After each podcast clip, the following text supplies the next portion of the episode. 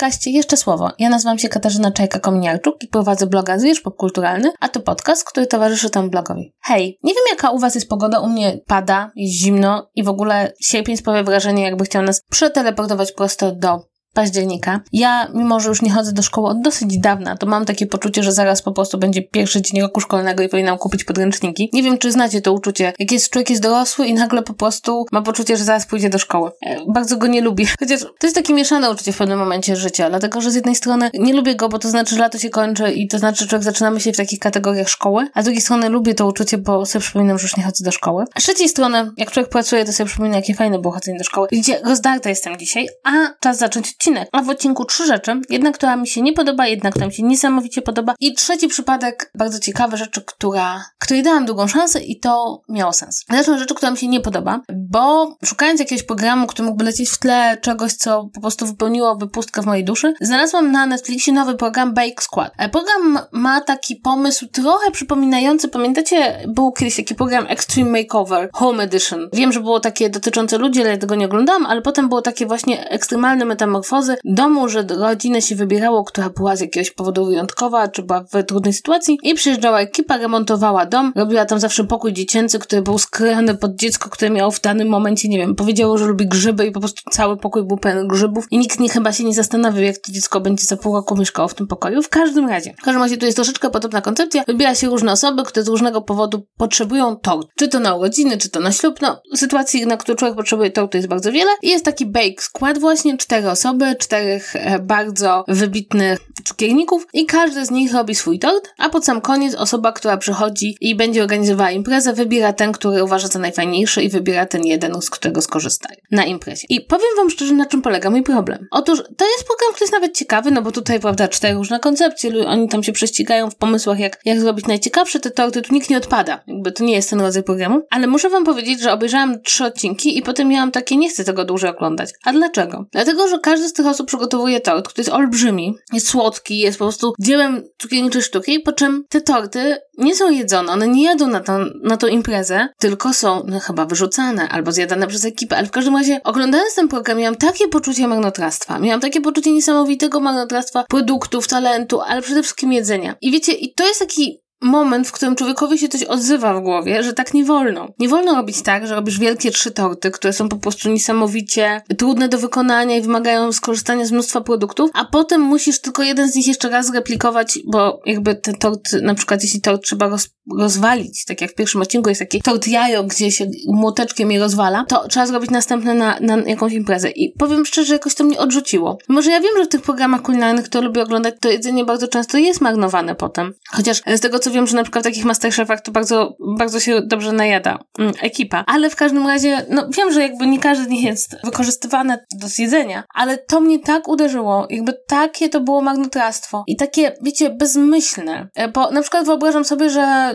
program tego typu mógłby na przykład, że bierze się, robi się trzy torty, idzie się na imprezę, każdy je kawałek takiego tortu, no i pod sam koniec jakby obok tej imprezy jest jeszcze decyzja, który tort był najlepszy, który się najbardziej podobał. A tu nie, tutaj z tych czterech tortów trzy są po prostu, no nie wiem, no do wyrzucenia. I tak mnie to jakoś uderzyło. Ja wiem, że tego marnotrawienia jedzenia i w ogóle materiałów w kulturze popularnej jest bardzo, bardzo dużo. I wiem, że jakby ten program nie wyróżnia się aż tak na ich tle. Myślę, że może dlatego, że po prostu coraz więcej mówimy o zasobach i ten program tak dosyć dobrze przypomina, że my te zasoby po prostu marnujemy w żenujący sposób, tak? Sam program jest całkiem ciekawy i myślę, że jeśli jest się fanem cukiernictwa, jeśli lubi się tego typu właśnie programy, czy uda się skroić pod czyjeś gusta, no to spoko, ale ja jakoś nie wiem, to mnie odrzuciło. Nie wiem, czy wy też czasem tak macie, że jest jakiś element programu, który niekoniecznie sam w sobie jest taki najbardziej, wiecie, godny potępienia, a jednak was odrzuca. Jednak coś tam jest takiego, że macie poczucie, że to nie, że to nie jest dla was. No i miałam tak, miałam tak z tym programem, w związku z tym chyba go nie będę dalej oglądać, bo prostu tak się irytuję tym marnotrawieniem tego jedzenia i tym takim, że to jest taką pustkę, nie? Że nawet to nie jest tak, że oni wszyscy siadają i jakby jedzą te torty razem, tylko nie wiem, jakoś, jakoś wydaje mi się, że wydaje mi się, że tak nie powinno być, ale wiecie,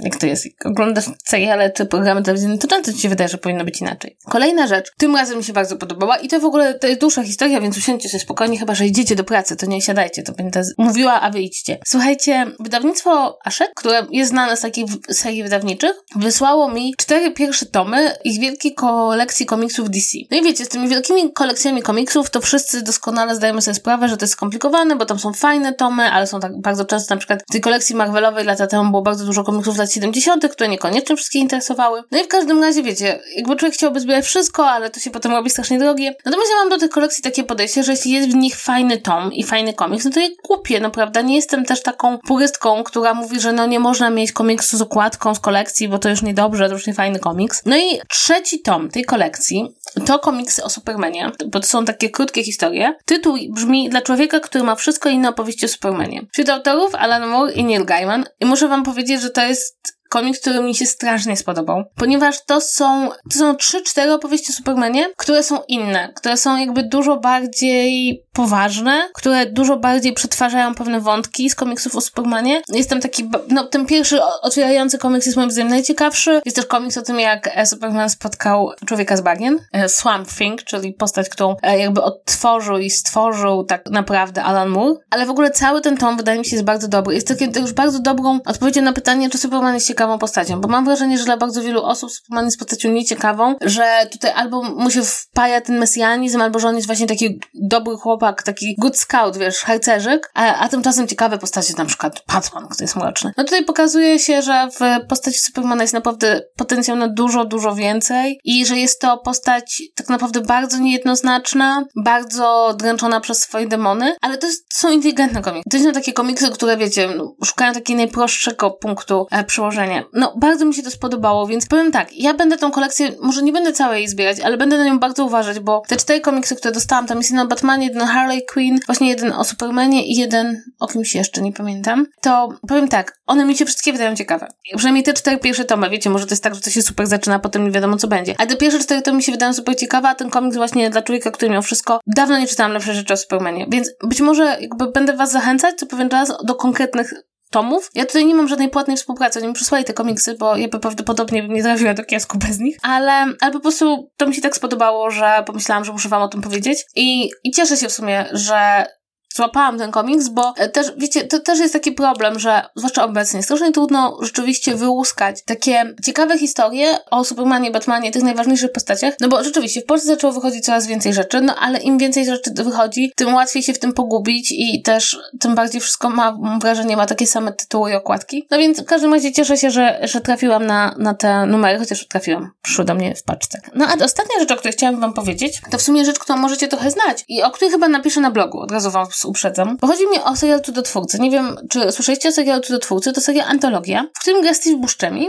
i Daniel Radcliffe. I pierwszy, pierwszy sezon był taki bardzo mocno jakby spójny z tym tytułem Cudotwórcy. Rzeczywiście działo się w niebie, w takiej niebiańskiej korporacji. Potem był drugi sezon, który działo się w średniowieczu i w ogóle miał kompletnie inną koncepcję, ale też z tymi samymi aktorami. I teraz mamy sezon trzeci, który dzieje się w Stanach Zjednoczonych i opowiada o mieszkańcach jakiegoś takiego zapyziałego miasteczka, w którym nic nie rośnie, którzy decydują się ruszyć do Oregonu, prawda? Przebyć ten szlak oregoński. Oczywiście w czasach, kiedy osadnicy i pionierzy podbijali kolejne strefy Stanów Zjednoczonych. No i muszę powiedzieć, że ten trzeci sezon jest naprawdę super. Jest naprawdę super. Daniel Radcliffe gra takiego pastora, który stara się być bardzo dobry bardzo pobożny i bardzo moralny w niemoralnych światach. Steve Buscemi gra takiego e, złodzieja i bandytę, który oczywiście okazuje się jest trochę mniej zły niż by chciał. I jest to niesamowicie zabawne. I od razu chciałabym powiedzieć, pierwszy sezon mi się podobał, ale nie był niesamowicie zabawny. Drugi sezon miał moim zdaniem bardzo dużo, bardzo duży kryzys tożsamościowościowy. Miałam takie poczucie, że scenarzyści robią coś kompletnie nowego i sobie nie za bardzo radzą z tym nowym materiałem. Natomiast ten trzeci sezon jest fantastyczny. I to jest bardzo ciekawe, bo nie musicie oglądać dwóch pierwszych sezonów. I to jest właśnie bardzo ciekawe w przypadku seriali antologii. Że seriale antologii to są takie seriale, które się autentycznie mogą wymyśleć na nowo w każdym sezonie. I ten trzeci sezon mi się tak podoba, obejrzałam, to jest tak, bo to jest na HBO. Więc jest ten system, że jeden odcinek w tygodniu wychodzi. No ja oby, zrobiłam tak, że po prostu nie oglądałam tego przez kilka tygodni, więc teraz miałam 7 odcinków naraz, a w sezonie jest 10. Czyli jeszcze kilka nam zostało. Ale Boże, jak ja się uśmiałam na tym. Jakie to jest zabawne i nie, nie podjęłabym tej decyzji, żeby oglądać ten sezon, gdyby nie TikTok. Tak, moi drodzy, TikTok mnie tam zaprowadził, ponieważ jest w jednym z, sezon, z odcinków tego sezonu scena, w której Daniel Radcliffe tańczy i śpiewa. I powiedziałabym, jest to scena bardzo, bardzo specyficznego tańca i śpiewu. I w życiu bym nie trafiła na ten trzeci sezon, gdyby TikTok mi tej sceny nie wyciął i ja miałam takie, co ja właśnie zobaczyłam? Okej. Okay idę do serialu. Więc widzicie, to nie jest tak, że TikTok się na nic nie przydaje. Ja za dużo siedzę na TikToku, ale, ale czasem się przydaje. W każdym razie chciałam wam opowiedzieć o tych twórcach i was bardzo do nich zachęcić. Oni są na HBO, bo to jest taki dowcipny serial, który jest oczywiście z jednej strony gra straszliwymi absurdami, z drugiej strony ma takie, wiecie, serce po właściwej stronie i jest bardzo dobrze zagrany i e, rzeczywiście ten taki duet komediowy Steve Buscemi i Daniel Radcliffe gra fantastycznie. Zresztą ja przyznam wam szczerze, że śledzenie kariery Daniela Radcliffe'a, który ewidentnie robi to, co robiłby każdy aktor, gdyby nie musiał się już nigdy w życiu przejmować kasą, jest bardzo ciekawe. To zresztą wydaje mi się intrygujące, że właśnie e, w tą stronę poszła jego kariera, chociaż myślę, że to jest dobry kierunek. To znaczy, że tak zupełnie abstrahując od, od serialu, to wydaje mi się, że ten kierunek, w który poszedł Radcliffe, czyli właśnie granie tych ról, których nie przyjąłby aktor początkujący, tak? Nie przyjąłby aktor, który się przyjmuje swoim wizerunkiem. Jest taka jakaś niesamowita artystyczna wolność, która być może daje mu radość z grania. No bo też, nie ukrywajmy, nie jest to aktor, który, przynajmniej moim zdaniem, jest stworzony do ról w jakichś, nie wiem, filmach akcji, czy w kolejnych ekranizacjach baśni Disneya. Ani on nie wygląda, ani też wydaje mi się, że tak charakterologicznie nie pasuje do tego świata. Zresztą to już, jak, jak jeszcze grał w Harry Potterze, prawda, jak się zdecydował, że będzie grał na e, West Endzie i Broadwayu, w Ekusie, to to już był taki dobry dobry, dobry znak, że, że ten kierunek go nie pociąga. Ale nie wiem, wydaje mi się, że znalazł sobie taką fajną drogę, gdzie jest mnóstwo dziwnych, dziwacznych projektów, ale to on do nich pasuje. I to jest dla mnie jakieś takie strasznie fajne. Nie wiem, przyznam wam szczerze, że z całej tej obsady po, po Potorowskiej to chyba go najbardziej darzę sympatią, bo, bo wydaje mi się, że znalazł dla siebie okazję, żeby być dokładnie takim aktorem, jakim chce i, i to realizuje. No dobrze, to, to wszystko w tym tygodniu. Ja jeszcze raz przypominam, o czym wam mówiłam. A mówiłam wam o e, produkcji, nie HBO, Netflixa, o produkcji Netflixa Bake skład. Nie wiem, jak to się nazywa po polsku. Mój Netflix leci po angielsku i dlatego zawsze korzystam z anglojęzycznych tytułów. O komiksie dla człowieka, który ma wszystko i na opowieści o Supermanie. I tutaj zwracam wam uwagę zarówno na ten komiks, jak i na całą tą wielką kolekcję DC, która teraz wychodzi. Wyszło chyba cztery tomy, więc po prostu zwróćcie na nią uwagę, tak? Jeśli szukacie jakichś fajnych komiksów, zwróćcie na nią uwagę, bo moim zdaniem wśród tych licznych tomów, które będą wychodzić, znajdą się też takie, które moim zdaniem przyciągną waszą uwagę i będą, będą po prostu okazją do tego, żeby kupić dobry komiks, mm, którego jeszcze nie macie w kolekcji. No i ostatnia rzecz to trzeci sezon serialu Cudotwórcy. I tu ponownie, moim zdaniem trzeci sezon jest jak na razie najlepszy, bawiłam się na nim fantastycznie, ale jeśli nigdy nie słyszeliście o serialu Cudotwórcy i o którym to serialu jakby te cuda, które się dzieją są dosyć kluczowe, no to bardzo wam polecam, przy czym moim zdaniem kolejność jakości sezonów jest taki, że trzeci sezon, pierwszy sezon, drugi sezon. I ten drugi sezon moim zdaniem znacznie odstaje pod względem poczucia humoru i takiego pomysłu od pierwszego i trzeciego, ale może to są moje własne, wiecie, gusta. I to wszystko w tym tygodniu. Mam nadzieję, że moje polecajki Wam się spodobały. Ja jak zwykle przypominam, że możecie mnie śledzić na moim blogu, gdzie piszę o rzeczach, o których tutaj mówię, ale głównie o rzeczach, o których tutaj nie mówię. Na Instagramie, na Twitterze. No dosłownie możecie mnie śledzić wszędzie, tylko nie na żywo, tak? Nie chodźcie za mną krok w krok. Ja wiem, że Was kusi, ale nie róbcie tego. No i mam nadzieję, że usłyszymy się za tydzień, chociaż od razu, jak zawsze, co tydzień przypominam Wam, że życie jest skomplikowane, a zadań jest dużo, więc może się okazać tak, że będzie jakaś obsuwa kiedyś. No i jeszcze na samym końcu chciałam Wam powiedzieć, że to jest 15 odcinek tego podcastu, co ja w ogóle, ja w ogóle nie rozumiem. 15 tygodni ja to robię? Co? Mam wrażenie, że założyłam ten podcast dosłownie wczoraj. W każdym razie, to jest bardzo ciekawe, bo zwykle, kiedy nagrywałam z 2Z,